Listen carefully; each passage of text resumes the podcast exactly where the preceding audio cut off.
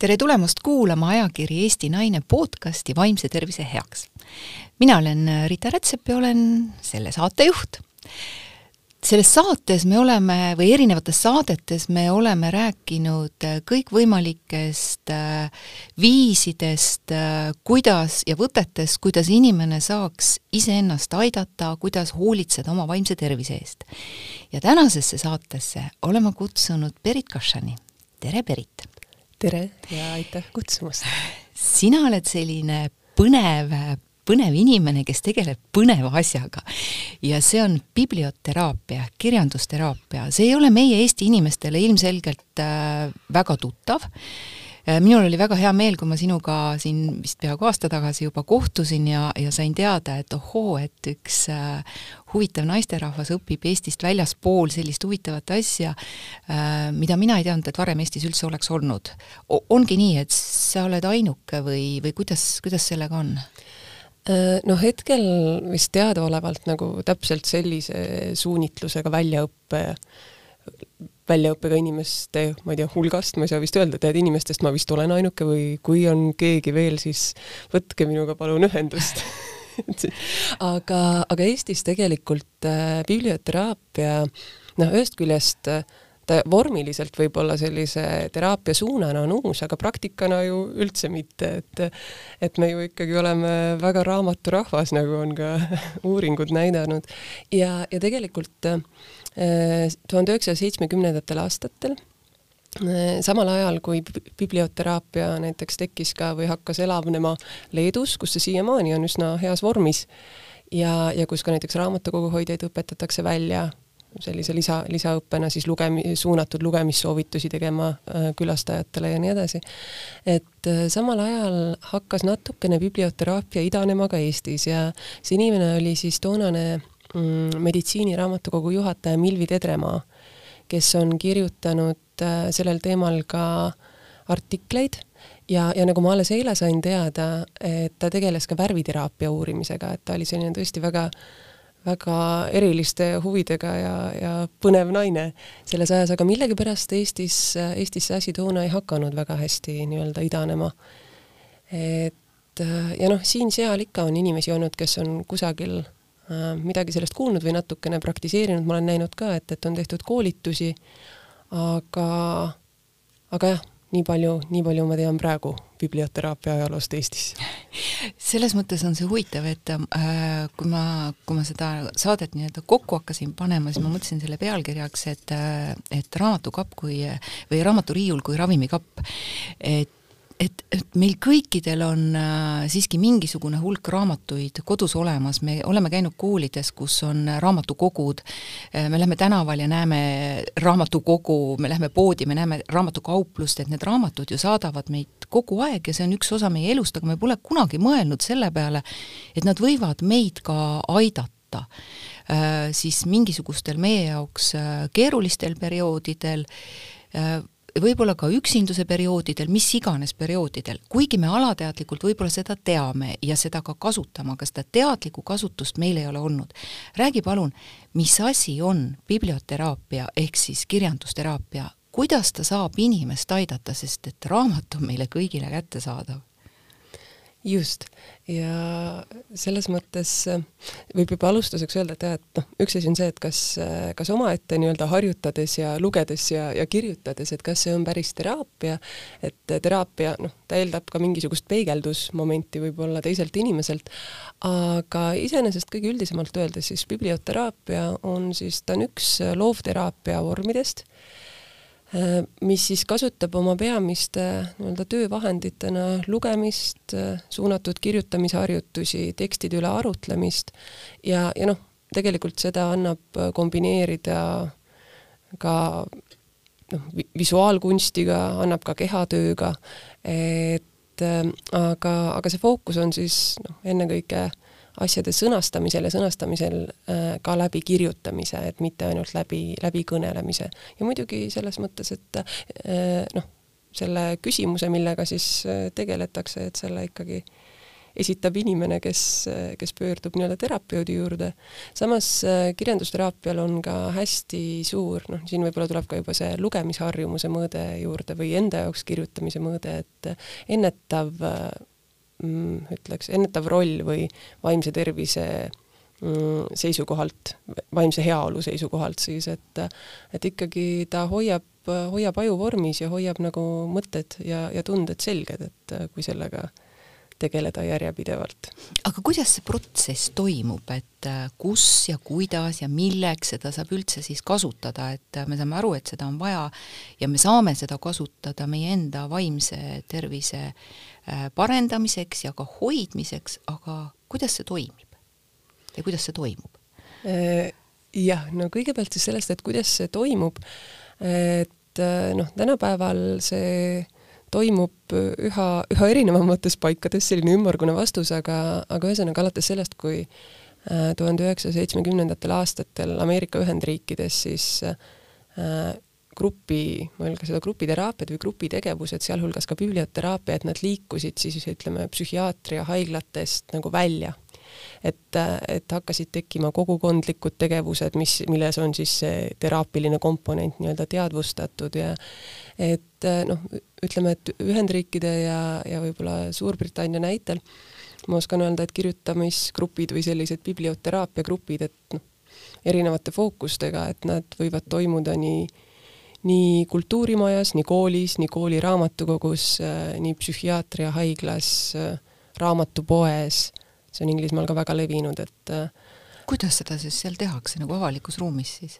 no raamatupoodidel on ju ka sellised eraldi ruumid, et meil ju on ka äh, juba see võimalus olemas, et äh, ja, ja muidugi, mis on see üks võib-olla selle komponent selles protsessis, mis on oluline, on see, et kõiki neid tekste, nii neid, mida luuakse, kui neid, mida loetakse, mille üle arutletakse, et käsitletakse läbi lugeja tunnet sellel hetkel et mis tundeid see tekst sinus tekitab. et selles mõttes, et äh, mis eeldab juba seda, et äh, juhendaja, kes siis, või terapeut, kes siis valib seda materjali, et ta peab äh, oskama seda valida niimoodi, et see oleks ligipääsetav sellele inimesele või nendele inimestele, kellega ta siis parasjagu töötab. et, et see, et, et, et see tekst esitaks nagu piisavalt intellektuaalseid väljakutseid või oleks piisavalt tuttud autor, et noh, see ei oma biblioteraapia kontekstis absoluutselt tähtsust. peaasi, et see teema siis kõnetab nagu seda, seda punkti, mis on inimese jaoks nagu oluline sellel hetkel? jah, põhimõtteliselt küll, et ja üks asi on teema, aga väga oluline on ka stiil. et äh, üldiselt ma olen täheldanud äh, juba praeguseks seda, et kui inimesel on üks mingisugune noh, mureküsimus elus või, või tal on mingisugune teema nii-öelda aktiivne, siis ta tegelikult seostab seda kõigega. ja, ja olulisem on võib-olla isegi, kuigi teema on ka oluline, aga, aga leida sellise, ütleme, selline tekst, mis, mis oleks talle lugejana meeldiv äh,, stiili poolest ligipääsetav, et ta nagu julgeks selle pinnalt äh, oma mõtteid või tahaks neid nagu siduda selle tekstiga ja avaldada, et see tekitaks mingisuguse emotsiooni temas. ja, ja siis noh, juba protsessi käigus alati tuleb see, see välja, et äh, millest tekib mingi teatud päästik ja, ja hakkab ja, see just, protsess pihta. sest et noh, on olnud ka inimesi, kes äh, tuleb ja ütleb, et ma tahaks oma kuidagi töö ja, ja nagu kodust elu paremini korraldada ära, et, et oma ajakasutust ja noh, et ma olen tööl nii närviline ja siis okei okay,, ma ütlen, et hakkame siis vaatama, et kuidas sul argipäev on ja siis muidugi noh, natuke aega räägime äh, ja, ja siis vaatame mingit teksti, teeme mingi harjutuse võib-olla ja siis tegelikult, siis ta juba julgeb välja öelda, et, et tegelikult ma olen õnnetu, ma tahan leida endale kaaslast. et ja, ja mis sa siis teed mis, sina siis teed? no siis äh, selles mõttes, et seal ongi ju see loovuse komponent nagu suurepärane asi või loovus, suurepärane ressurss, mida hakata siis kasutama, et et noh, mõtleme siis välja, et, et missugust inimest sa enda jaoks sobivaks pead ja no seda saab noh, selles mõttes jällegi vaadata läbi teiste inimeste tekstide, ähm, luua ise alustuseks midagi võid, võid ka joonistada seda inimest, aga need on, ütleme ka sellised noh, esmatasandi või sellised pindmised võtted, kuigi sealt tuleb väga palju üllatuslikku välja, et, et pigem noh, suunata juba inimest selle poole, et selle konkreetse näite põhjal ka, et mi, kuidas sa tahaksid ennast tunda selle inimesega või missugune on see suhtedünaamika ja no sealt tegelikult omakorda jällegi tulevad kõik need mustrid mm,. see on nagu visualiseerimine ja taotluse saatmine sinna kosmosesse, eks? no põhimõtteliselt küll jah, ja tegelikult see on ju leidnud noh, nüüdseks juba ka ähm, noh, põhimõtteliselt see toimibki meie aju seisukohalt niimoodi, et me keskendume ju asjadele, mille, millele, mille või teemadele, millega seoses on meil ajus äh, rohkem seoseid. seda peab meie aju oluliseks. ja, ja tihti ongi, et mingisugused asjad, mida sa võib-olla ma ei tea, südames soovid, aga tegelikult sa ei võta selle jaoks aega, siis su noh, aju kogu aeg ta lükkabki sulle mingisugused teised, teised teemad ette. Et see tundub ikka nagu olulisem. Ja noh, sealt on juba see, et jah, sa tahtsid midagi küsida vist ei, ma, ma nii mõtlen sinuga siin kaasa, et sa juba loed minu näoilmest, et nii, nüüd tahad siis jälle midagi küsida, et see on nagu nii põnev, et mul tekkis kohe kaks küsimust korraga pähe, et et, et üks oli see, et et sul peab olema peas täielik raamatukogu, et, et, et need failikapid, mis või sahtlid, mis sul seal peas on, et nii kui inimene tuleb, sa juba tead, millise faili sa lahti võtad, aa, sealt on see raamat, see lugu. et kas, kas see käib sul, et kuidas töötab terapeudi aju, et, et kas see käib nii, et kui inimene tuleb tuleb oma mingisuguse murega, teemaga ja nii edasi, nii sul hakkavad äh, teatud ilukirjanduslikud riiulid seal avanema jah, no äh, üks võimalus natukene lihtsamaks seda teha endale on muidugi ka küsida kohe, et, et äh, mida inimesele meeldib lugeda. et, et siis ma saan nagu natuke mingisuguse maitseproovi, et et, et mis on tema kirjanduslik maitse aga üldiselt ma valin ikkagi midagi kraadi võrra nagu lihtsamalt, lihtsamat kui see, mida ta siis eh, loeb iseenda, ütleme, intellektuaalseks stimulatsiooniks või et aga jah, see vist kuidagi niimoodi hakkab tööle küll, et ma olen viimasel ajal ka mõelnud, et äh, kui ma õppisin kirjandusteadust ja pärast seda äh, ma nagu reaalselt võiks öelda, et tegin pingutusi selle nimel, et hakata lugema nagu noh, inimene uuesti. et selles mõttes, et sa, nagu tavainimene nagu loeks. jah, et, et selles mõttes sa lähedki looga kaasa ja sa ei vaata, kuidas, et aa, need rütmielemendid, aa, see motiiv alguses juba oli, see tuleb siin tagasi, huvitav nagu, mis selle kordumise mõte on. et siis nüüd ma olen jõudnud sellesse mm, eluetappi, kus iga tekst, mida ma loen, juba hakkan kuklas mõtlema, kas see sobiks, missuguse elusituatsiooni jaoks see sobiks, kas see on piisavalt ligipääsetav, missugusele inimesele see ei oleks, missuguse meeleolu korral seda kindlasti ei tohiks soovitada. et aga noh, ma olen, olen see lugemist ei sega mm natukene segab, aga ütleme, et see ei ole siiski kõige niimoodi valjem hääl või see kuskil niimoodi vaikselt, vaikselt tiksub. aga aga jah, praegu praegu siis on need tegelased korraga et sul on kogu aeg tegelikult nagu valmisolek inimeste jaoks, kes tulevad erinevate teemadega, sul on see pagas nii suur, et sa tead, kust nagu midagi võtta. aga ütle palun äh,, sa tõid välja selle, et, äh, et inimesed, et sa küsid nende käest, et mis on su lugemise eelistus või mida sa nagu oled lugenud ja nii edasi, et siis sa kaardistad ära. lugemine ei ole tänasel päeval äh, paljude inimeste jaoks äh, selline äh, number üks tegevus kindlasti mitte. et vanasti oli seda ilmselgelt rohkem, tänasel päeval seda nii palju ei ole ja kui, kui su ette satub inimene, kes mm, kes ei ole suur lugeja ja veel vähem on ta mingisuguste tekstide kirjutaja, et just nimelt, et meie kuulaja praegu võiks mõelda, et ah, see on mingi intellektuaalide teema, et, et see, see küll minu vaimsele tervisele kaasa ei aita. aga tegelikult ju aitab. et kui ta ei ole lugeja, kui ta ei ole kirjutaja, mis sa siis teed? Noh, selles mõttes, et siis ikkagi julgustaks kohe, et äh, mõne, mõne mängulise kirjutamisülesandega, et, et üks asi, mis noh, mind väga selle nii-öelda suuna puhul on ka kõnetanud, on see, see loovus selles tööprotsessis ka ja see võimalus läheneda tegelikult olulistele elulistele küsimustele mänguliselt, mis ei tähenda, et äh, see ei oleks tõsiseltvõetav. aga, aga tihti noh, sellised on, on selliseid nii-öelda natuke ümber nurga kirjutamisülesandeid, et sa kirjutad ühest asjast, aga lõpuks sa saad aru, et millest sa kirjutad.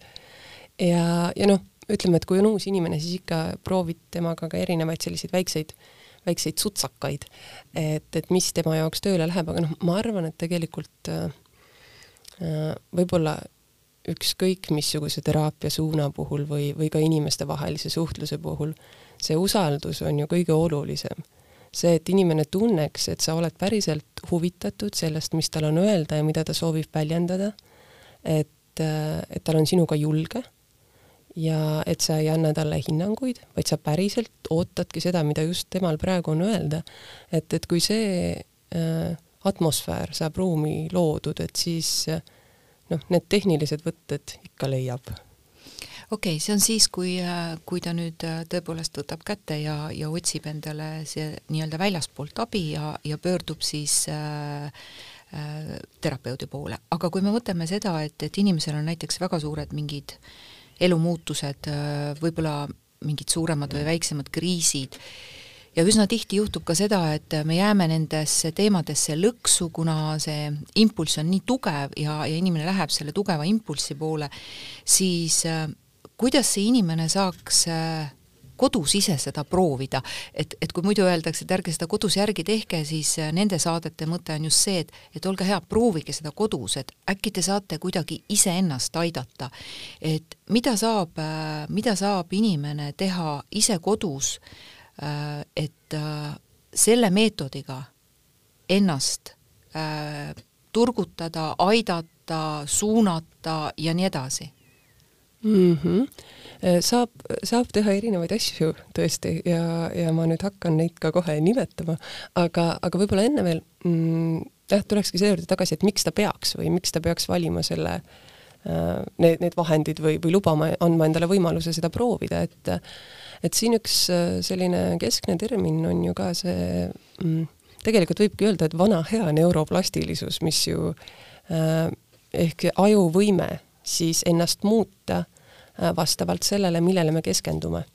ja äh,, ja see fenomen äh,, nagu ma hiljuti teada sain, et äh, see, seda täheldati juba äh, millalgi tuhande üheksasaja neljakümnendatel, et siis, kui see Hebi printsiip äh, siis loodi, et, et ajul on see hüpotees, et ajul on tõesti või et aju areng ei lõpe ära, vaid me areneme terve elu ja tegelikult meil on võimalik ka ütleme, noh, oma, oma minapilti või oma isiksust väga palju ümber kujundada vastavalt sellele, millele me keskendume.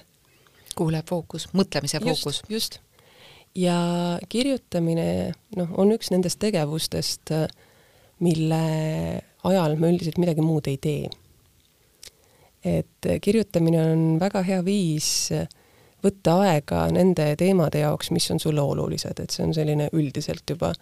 Ja eriti käsitsi kirjutamine, et mis parandab mälu ja mm, suurendab ka meie loovust teistes situatsioonides ja üleüldse noh, kuna ta on niivõrd tihedalt meie motoorikaga seotud ja ta on ajule tegelikult selline äh, noh, mm, heas mõttes väljakutse, et, et siis noh, üks põhjus veel seda käsitsi kirjutamist praktiseerida oleks ka nii-öelda kõrge eani, võimalus kõrge eani oma, oma teravat mõistust säilitada või?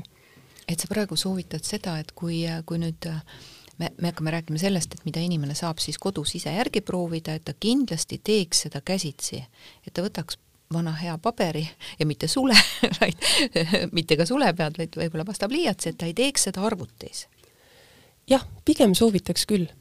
Äh, selles mõttes, et see kogemus on, on mitmedimensioonilisem ja ta on ka selles suhtes pikemaajalisem ja, ja käsitsi kirjutamine siiski võimaldab minna sügavamale.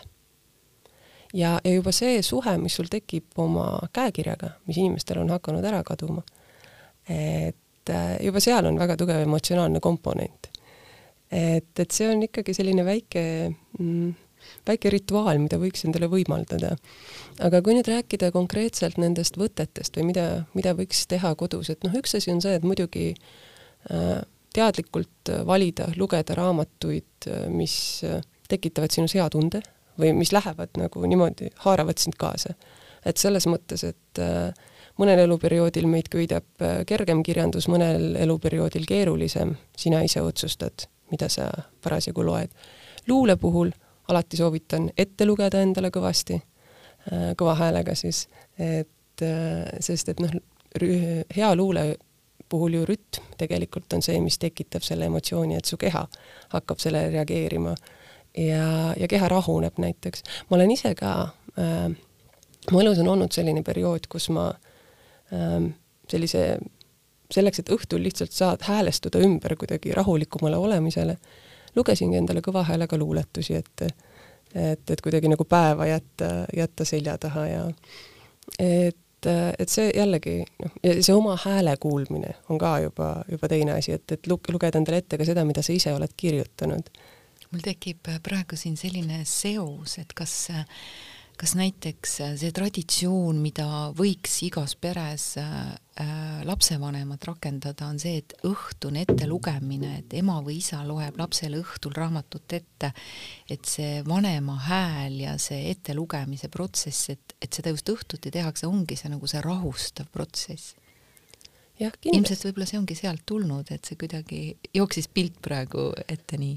jaa, muidugi, see on üks nendest tegevustest äh, ja ma arvan, et noh, tegemist ju biblioteraapia puhul või, või luule või, või kirjanduse nagu mm, ütleme, hinge kosutavatel eesmärkidel kasutamine, et, et see on ju tegelikult väga, väga ammune praktika, et see lastele õhtujuttude lugemine on üks, mulle tundub, vähestest väljunditest, mis on jäänud meie argipäeva alles sellest. et loomulikult ja miks ka mitte üksteisele ette lugeda et see ju tekitab väga sellise noh, hea sooja tunde, see on ju hoolitsemise vorm. ja, ja noh, lapse puhul veel muidugi, et jah, kui, kui ema loeb lapsele ette, et noh, kuuldavasti ju ema häält laps kuuleb juba ema üsas olles ja et, et see on talle nagu üks turvatunde komponente, et et noh, et see on, see on väga mitmekihiline ja, ja samas nii lihtne asi, mida teha.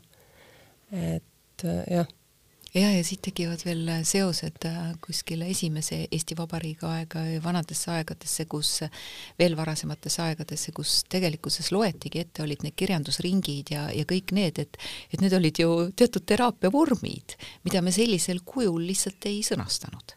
jah, ja, ja, ja ütleme, et äh, et ega palju neid tegevusi, mis äh, on nüüd hakanud tulema meie argipäeva tagasi või meie maailma tagasi justkui teraapia vormis, et need on olnud ju noh, kunagi sellised äh, harjumuspärased noh, rituaalikäitumised näiteks või argipäeva elust osa. endast vajadus. just, just, et äh, ja noh, meie lihtsalt see, kuidas inimesed elavad, on nii palju muutunud, et me elame palju noh, kui väiksemates kogukondades elati et siis oli ju lihtsam seda kogukonda koos hoida ja, ja üldse hoomata, kes on siis see sinu ring, et nüüd me peame ise, ise mõtlema ja, ja looma need sidemed ja, ja otsustama, et kas sina tahad olla selle kogukonna kese ja kutsuda lapsi lugema või miks ka mitte täiskasvanuid, et aga mm, aga jah, et ja, ja nagu ma vist enne mainisin ka, et, et siiski ma noh, see ettelugemine, et, et see ka ma ei tea, sõbrale ette lugeda on ka väga tore. et äh, lihtsad, lihtsad asjad, mida, mida teha, aga mis võivad teha mingisuguse sündmuse või päeva väga meeldejäävaks, et äh, ja, ja, ja minul on endal näiteks üks selline kogemus äh, aastatetagune, kus väga pingelisel võtteperioodil, kui me tegime ühte filmi, kus oli väga külm ja halb ja paha ja nii edasi olla, et, et sa kogu aeg olid nagu selles mingil määral nagu negatiivses foonis siis äh, mu kolleeg võttis raamatust rii-, raamaturiiulist, võttis raamatu ja hakkas lihtsalt mulle ette lugema seal. ja me olime nagu täiesti era-, eraldi mulli sees, me läksime nagu kogu sellest keskkonnast välja, et, et selline, selline mälestus tuli praegu meelde. aga äh, ma usun, et meie kuulajatel on juba pliiats ja paber käes ja, ja need äh, mõned väiksed võtted siis, mida sina pakuksid välja äh,, millest võiks alustada inimene, kes tahab sellest alustada, mis iganes põhjusel, kas või lihtsalt ära proovida, et vaadata, et äh, kuidas see töötab, äh, või siis, äh, või siis on ka mõne, mõni suurem või, või väiksem või veel suurem, noh, see on juba hinnanguline, aga, aga on mingi teema õhus mm? -hmm. ma mõtlen, et ma prooviksin pakkuda sellised kaks sellist lihtsamat ülesannet ja võib-olla siis kaks sellist äh, järgmise taseme kirjutamisülesannet, mida iganes see siis kellegi alusta lihtsamast. Ma alustan lihtsamast. et äh, noh, üks asi, mis äh, on, on täitsa arusaadav kõigile ja samas võib tuua selliseid ootamatuid seoseid, et äh, kirjutada näiteks üles, ütleme iga nädal mingisuguse perioodi jooksul mm, kolm asja, mis teevad sulle rõõmu, kolm asja, mida sa kohe teeksid, kui sa julgeksid ja kolm asja, mille kohta sa tahaksid elus rohkem teada saada. ja seda iga päev? võid teha ka kord nädalas. et äh, kirjuta see ära, niimoodi, aga see on see, et, et sa ei analüüsi väga palju, sa paned näiteks endale ajaraami, ütleme kuskil viie minutiga ma teen selle ära ja siis sa loed selle üle ja vaatad, et mida sa märkad. Ja siis sa hakkad märkama neid äh, kordusi esiteks, siis sa saad sealt juba edasi minna, et miks on, miks need asjad ikka veel mu nimekirjas on, et miks ma ei taha neid asju, tähendab, miks ma ei tee neid asju, mida ma soovin teha. et sealt sa saad juba edasi minna, et äh, ja see on hea asi, mida teha tegelikult kellegagi koos. et äh, tõesti noh, ma ei tea, kas teha oma sõbraga või sõbrannaga see rutiin tõesti arutada need läbi. Et kõigepealt panna kirja. kõigepealt panna kirja. nii, need kolm asja olid, et mida? Äh, kolm asja, mis sind rõõmsaks teevad mm. -hmm. kolm asja, mida sa teeksid kohe, kui sa julgeksid ja ei mõtle selle peale, et oi, ma ei saa ja pole võimalik, vaid lihtsalt piiranguid ei ole, mida, aga mida ma siis teeks mm? -hmm. ja, ja siis kolm asja, mille kohta sa tahaksid elus äh, rohkem teada saada. Et noh, tegelikult see on selline äraspidine või natukene ümber nurga ju eesmärkide seadmise nimekiri. ja, ja sealt tuleb ikka väga-väga lõbusaid asju, ma tegin seda kunagi äh, ise esimest korda ühes grupis, aga me tegime ka seda paaristööna. ja ma sattusin siis paari mm, seda jagama ühe mm, ma arvan, et kuskil seitsmekümnendates eluaastates prouaga Briti prouaga ja tema jaoks üks asi, mida ta teeks kohe, kui ta julgeks, oli minna üksi kinno. sest et äh, noh, see kasvatus, see põlvkond, et see tundus lihtsalt nii kummaline, et äh, et minna, minna üksi kinno, et ta noh, et see tundus tema jaoks midagi sellist noh, elevust tekitavat, et tahaks ikkagi elus ära proovida. ja no ma loodan, ma loodan, et mul õnnestus teda veenda selles, et see ei ole midagi ohtlikku ja, või noh, selles mõttes, et et see võlu on suurem kindlasti kui see ärevus. aga jah, et mõnikord ma ise ka ei tea neid, neid asju. ja siis see, selle võiks nagu kirja panna, noh, siis üksi või, või sõbraga, eks ju, arutada, aga aga see, kuidas protsess välja näeb, ma kirjutan need asjad ülesse ja siis mõtisklen nende üle mingi aeg, et kui, kui tihti ma peaks seda tegema, kui pika perioodi jooksul, et hakkaks tööle? Äh, no ütleme niimoodi, et ka selle harjutuse puhul, et kui sa loed need üle, et siis kindlasti iga kord võiks teha ka selle peegeldusfaasi selles mõttes, et sa loed, esimese hooga kirjutad välja ja siis sa loed üle, et mida sa märkad ja tähendab, kirjutad selle välja, et kui ma seda loen, ma märkan, et, et see nagu paneb su mõtte teistmoodi tööle ja seal. see analüüs tuleks ikkagi Just, siis välja aga, kirjutada. jah, aga, aga noh, kuivõrd ta on analüüs, kuivõrd ta on lihtsalt selline järjest tekivad äratundmised, et tavaliselt inimestel juba tulevad mingisugused pildid nende olukordadega eh, meelde ja nii edasi, et sealt see, see loovus käivitub nii-öelda. aga selle kirjutamisrutiini osas, et et äh, noh, ma ütlen näiteks, et äh, kolm korda nädalas, et äh, ma ei ole kellelegi öelnud, et tee seda iga päev, sellepärast et siis, kui üks päev jääb mahe, vahele, siis sulle tundub juba, et sa oled ebaõnnestunud ja programm on sassis. et tee kolm korda nädalas või kaks korda nädalas. et noh, vähemalt kaks, ütleme niimoodi. ja, ja muidugi selle selline kõrval mm, kõrvaltegevus või mida ma olen ka paljudele inimestele soovitanud, ise proovisin ka järele, on ka selline rõõmude päevik või et, et kirjutada siis päevikusse või pidada päevikut nende asjade kohta, mis, mis teevad sulle rõõmu või mis sulle nagu lihtsalt meeldivad. et see on jällegi samamoodi, tulles ka meie korraks, korraks meie ajusse tagasi, et me ju viis korda suurema tõenäosusega jätame meelde neid asju, mis teevad meile haiget kui neid, mis teevad meile rõõmu, et me evolutsiooniliselt oleme nagu harjunud uskuma, et valu on parem õpetaja kui rõõm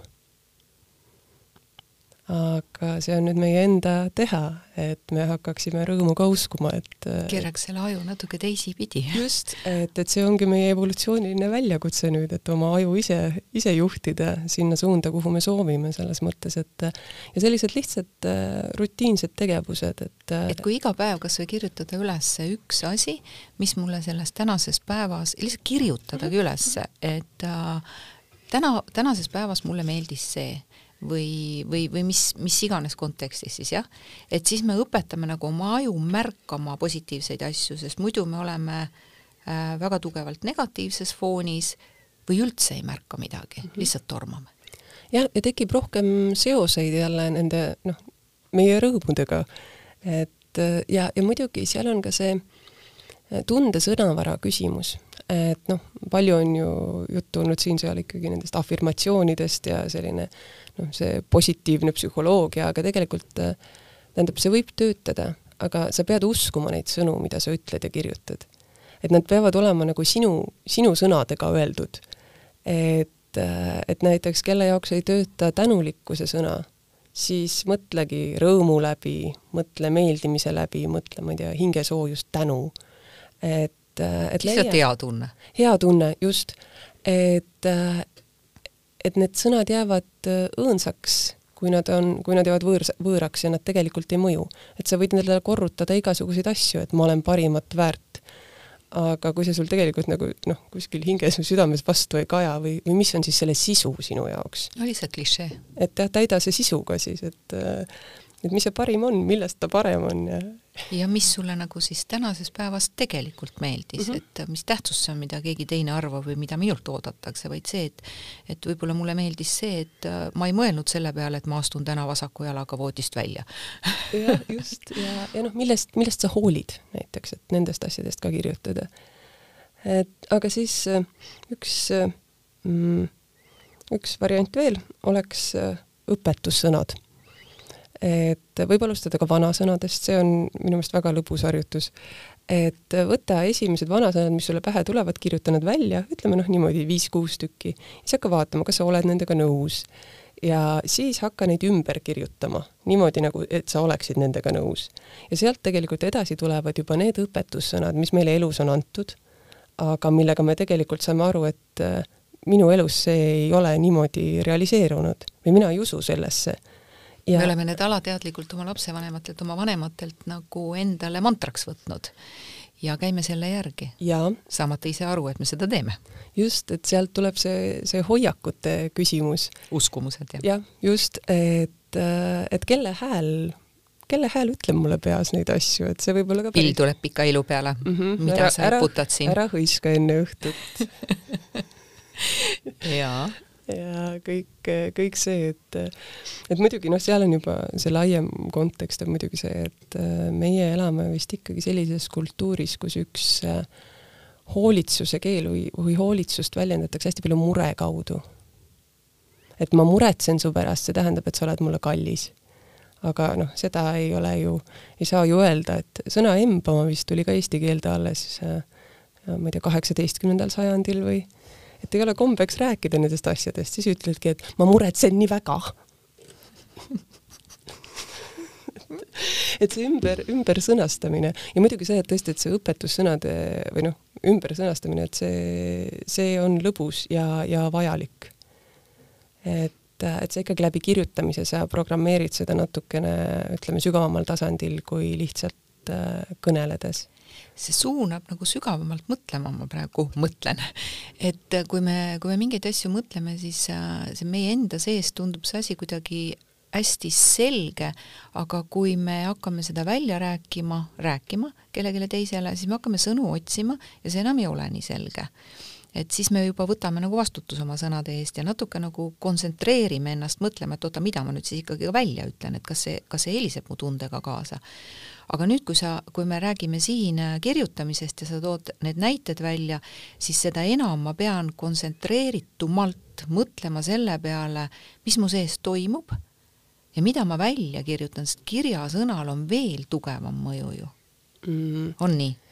Äh, no ütleme niimoodi, et äh, mina arvan, et inimene ikkagi in,, inimõigus, üks inimõigusi on õigus automaatkirjutusele, et selles mõttes, et et kui ma ka juhendan gruppe, et siis ma tajun vähemalt alguses alati väga selgelt seda, et ikkagi koolitunnist on jäänud see sisse täpselt see noh, see suur austus kirjasõna vastu, et, et on tunne, et ikkagi võid midagi kirjutada valesti või, või kuidagi kuskil on see õigesti ja et iga sõnaga kaasnebki hästi suur vastutus, et ei, et selles kontekstis äh, sul on oluline saada enda käest, äh, enda seest kätte see nii-öelda toormaterjal või? See need... tähendab seda, et kui inimene kirjutab neid asju, siis ta ei pea mõtlema seda, et kas koma käib sinna eti ette või ei käi, et, et see võib olla täitsa selline nii, nagu tuleb. jaa, seda loomulikult, selles mõttes, et õigekirjal ei ole siin mingisugust tähtsust selles, selles protsessis. Ja, ja lihtsalt lasta endal kirjutada. Et noh, ma olen ka teinud in- või noh, ongi need automaatkirjutuse harjutused, et sa ütledki, et sa ei tõsta pliiatsit praegu, et kümme minutit kirjutad lihtsalt järjest. kui ei tule ühtegi mõtet, kirjutad, mul ei ole ühtegi mõtet. vot see oleks hea harjutus kodus teha. jaa, just, lihtsalt Jah. kirjuta, ükskõik mis pähe tuleb. kas või üks A-tähtesid seda võib ka teha ja, ja siis näiteks võtta mingisugune ajalehe pealkiri, kirjutada sealt edasi või mingi sõna, mis sulle kuskilt silma jääb, et noh, kõikvõimalikud asjad, et äh, ei ole asja, millest ei saaks kirjutada ju. Et selles mõttes on nagu hästi. Üliäge tehnika. Et lihtsalt jah, noh, nii argine praktika, aga me noh, oleme harjunud sellest mõtlema kui millestki võib-olla noh, mingil eluhetkel vähemalt, et äh, millestki priviligeeritust või et kes olen mina, et luuletust kirjutada. no ma ei tea, kirjuta, kui sulle, kui sulle meeldib järelikult, siis oledki luuletuse kirjutaja. hakka otsast pihta ja vaata, kuhu pliiats viib. jah, just, täpselt niimoodi. ja võib-olla selliste, ütleme, natuke ajamahukamate harjutuste puhul, et äh, kui tuhande üheksasaja kaheksakümnendatel aastatel hakati uurima tegelikult teraapilist kirjutamist, et äh, üks selle valdkonna pioneere on siis Ameerika sotsiaalpsühholoog James Penbaker, kes siis hakkas muidugi oma tudengite peal seda katsetama, et nagu ikka, psühholoogia tudengite peal ju on tehtud väga suur osa katsetustest, kui mitte valdav enamus. ja ta siis äh, pani äh, oma tudengid kirjutama siis äh, noh, erinevatest elusündmustest, et nagu ikka erinevad testgrupid, ja, ja ta avastas juba esimeste nii-öelda katsete tagajärjel, et need inimesed, kes kirjutasid, pidid kirjutama sündmusest, mis on siis noh, mingisugusest väga raskest ja keerulisest sündmusest oma elus.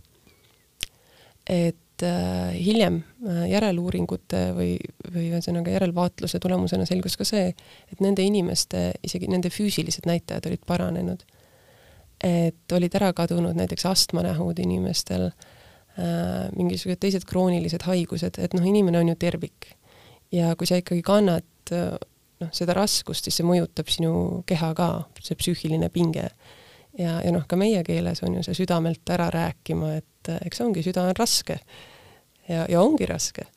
et, et kuni, kuni ei ole siis kuidagi teda kergemaks saadud, aga mm, aga see tehnika, mida ta kasutas siis, oli see, et ta äh, lasi tudengitel kirjutada noh, vähemalt kakskümmend minutit iga päev, nelja päeva jooksul sellest teemast, mis äh, siis noh, tundub neile, et on üks neid, mis on neid elus, ma ei tea, noh, neile elus kõige rohkem haiget teinud või, või kõige valulikum.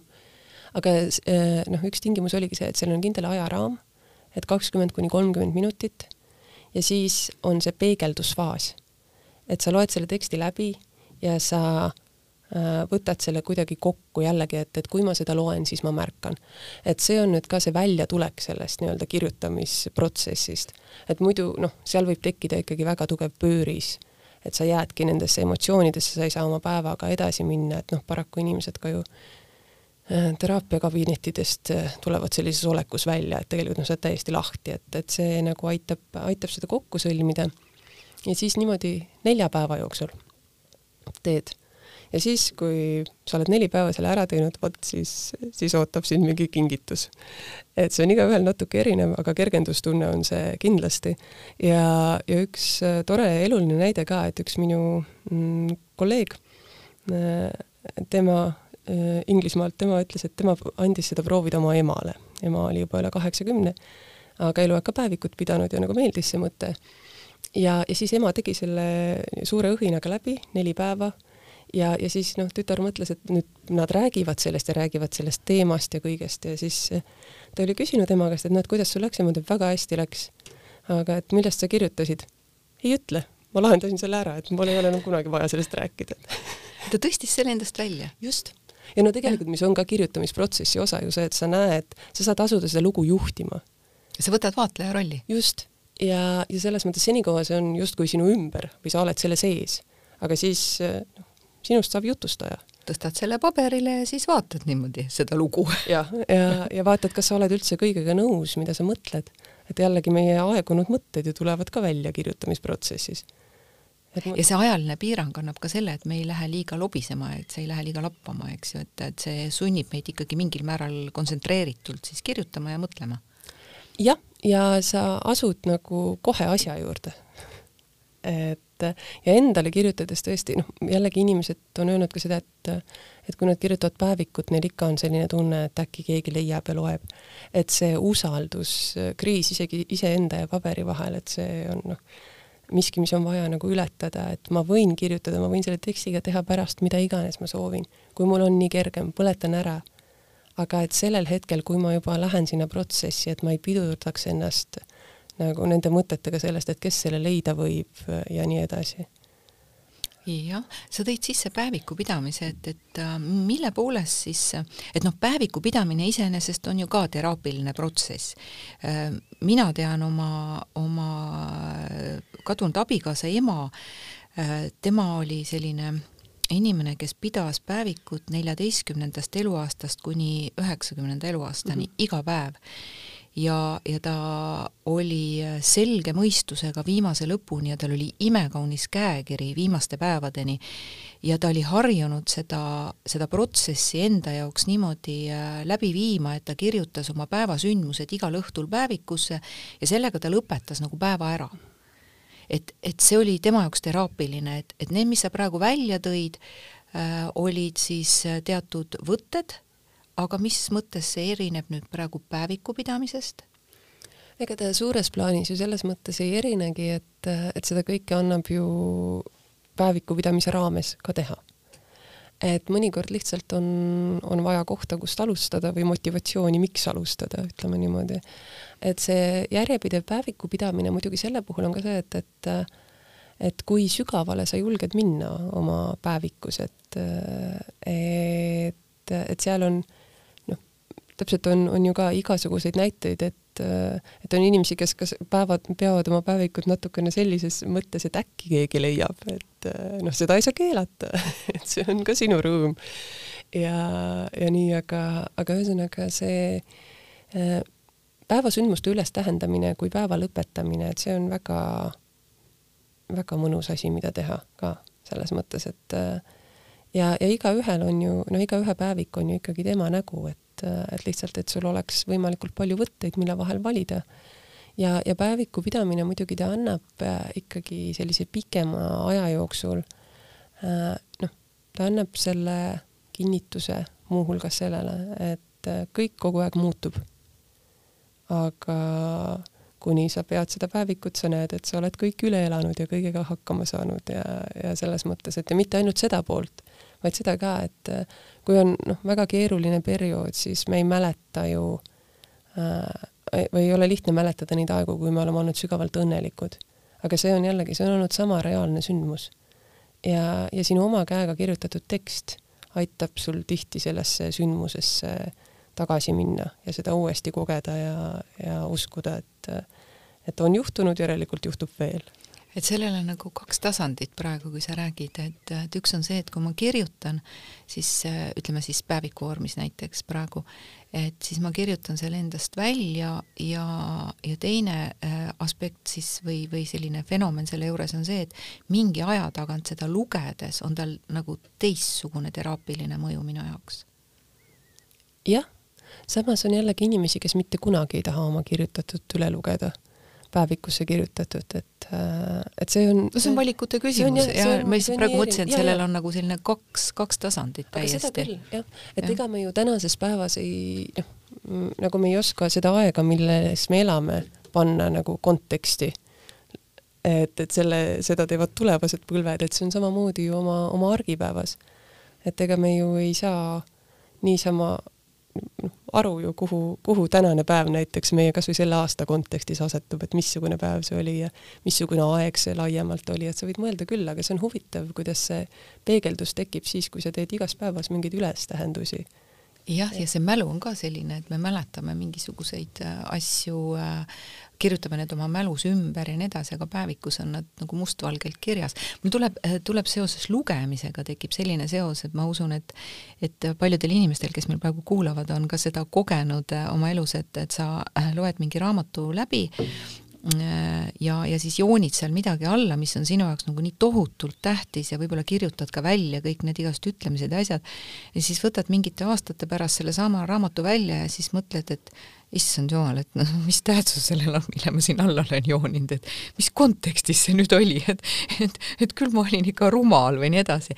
aga, aga see oli sellel hetkel tähtis ja, ja tänu sellele, et ma olen seda kõike lugenud ja kogenud, olen ma täna see, kes ma olen ja joonin alla järgmised asjad, mida viie aasta pärast mõelda, et issand jumal, miks see mulle tähtis oli et eks päevikuga ole samamoodi ja lugemisega samamoodi. jaa, muidugi ja selles mõttes, et ikkagi kõigesse sellesse suhtuda sellise noh, heatahtliku huumori ja, ja huviga iseenda ja iseenda muutumise siis suhtes, et kuidas sina suhtud näiteks sellistesse asjadesse, mis, mis on tänaseks päevaks, inglise keeles on neid rohkem, aga nad on jõudnud ka meie poelettidele ka eesti keeles, kus on juba ette kirjutatud teatud read, et et näiteks noh, tänane kuupäev, see, see, see nädalapäev, eks ju, ja siis on antud ette, et mida sa täna märkasid, mis sulle täna meeldis, mis oli sinu kõige tugevam tunne, no ma tõesti ka genereerin, eks ju, et ma, ma oleks võinud isegi siia kaasa võtta, sest mul on, mul on neid kodus päris mitu tükki, mis on nagu erinevad sellised, et, et mul on juba nagu natukene antud ette selline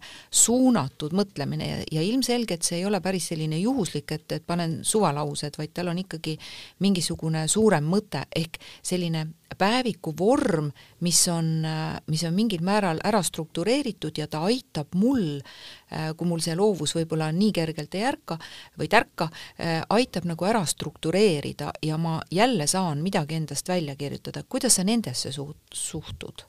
kas see on alustuseks hea või? jaa, ma arvan küll selles mõttes, et kui seal on noh, mõnikord see, see raam või et keegi on pool mõtet mõelnud või lause alguse andnud, et see annab selle impulsi, et sa, et sa jätkad ja, ja sa saad ju alati neid nimekirju või, või neid ülestähendusi laiendada ja täiendada vastavalt sellele, kuidas kuidas sinu enda mõte hakkab, hakkab siis jooksma. et, et seda kindlasti, et noh, selle päeviku pidamise puhul muidugi äh, noh, minu, minu jaoks oli kunagi see üllatus, et äh, kui ma nendesse teemadesse hakkasin süvenema, et äh, jällegi, et Ameerikas on, on nüüdseks juba mitmeid inimesi, kes on ära patenteerinud oma päevikupidamise metoodika. et ja üks nendest on näiteks Journal Ladder, mis on siis selline päevikuredel. aga see on, ma arvan, et tegelikult see on väga hea meetod et äh, selle on välja töötanud äh, siis üks äh, kirjutamisterapeut ja neuroteadlane koostöös ja, ja seal on siis sammud ja, ja teemad, sammudeks ja teemadeks jaotatud see päeviku kirjutamise protsess. et a la nädal üks, kasuta neid võtteid, kirjuta sellest, nädal kaks sellest ja nii edasi. et seal on just see teekond ka ehitatud niimoodi, et, et sa alustaksid vaikselt, et sa kohe ei hüppaks võib-olla äh, basseini kõige sügavamasse otsa ja siis ei mõtle, no et kuidas ma siit välja saan, et et käi ikka seal natuke jalad põhjas. ja, ja just, just, et, et harjuta teeliigutusi, kui valge pealt võimle. et, et selles mõttes need on tänuväärsed metoodikad just selliseks iseseisvaks tööks. aga, aga samas jah, ma arvan, et need märkmikud, mida sa mainisid ja et need võivad olla ka abiks ja teisalt noh, ikkagi mida ma olen siiani näinud, on see, et kui inimene alustab, et tema enda mingisugune sisemine loogika äh, hakkab seda protsessi toetama. et sa enam-vähem saad aru, millest sa täna tahad kirjutada ja kui kaugele sa tahad minna.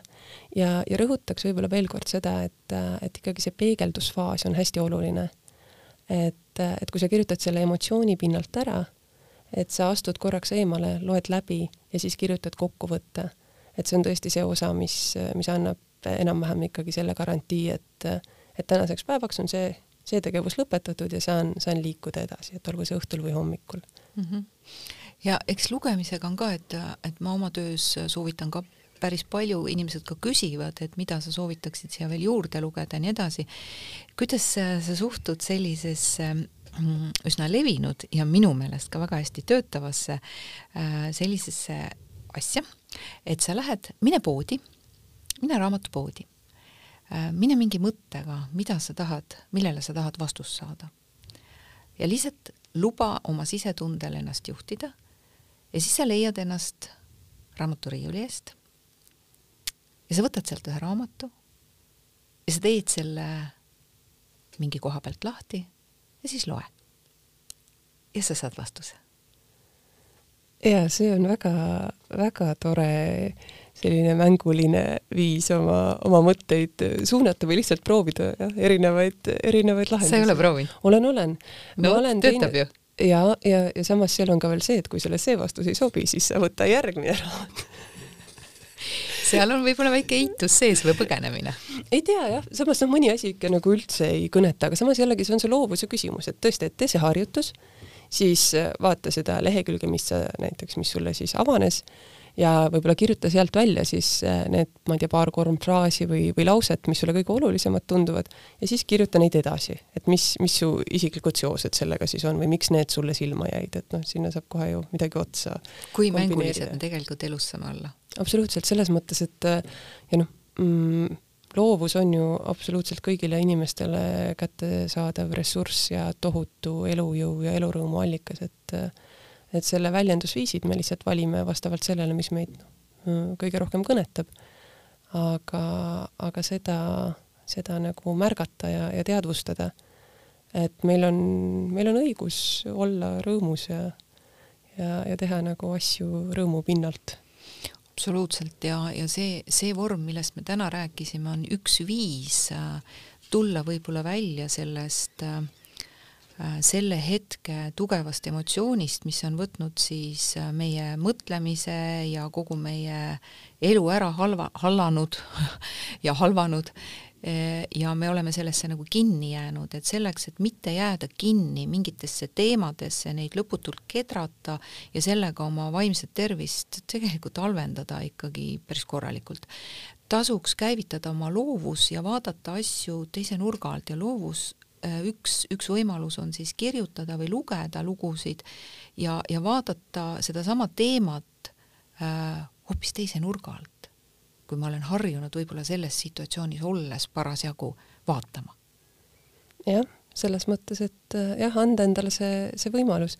võib-olla kiiresti üks, üks võte siia lõppu veel selle jaoks, et noh, tegelikult kõik ju ütleme, et kui me soovime oma ellu muutust, et siis äh, tulebki, või me ei ole oma eluga rahul. kui sa ei ole rahul, järelikult on vaja muutust. Äh, siis äh, sõnastadagi ära, et missugust muutust sa soovid ja mida sul selleks on tarvis. ja, ja üks, üks variant veel seda nagu niimoodi pehmelt alustada, on näiteks kirjutada kiri äh, võib-olla ka mingisugusele nähtusele või tundele, mida sa oma ellu rohkem soovid juurde. ja, ja tere, minu rõõm. näiteks, jah ja siis sulle hakkab tegelikult, alguses tundub küll võib-olla selline naiivne, aga aga igaühe ikkagi rõõm on natukene erinev.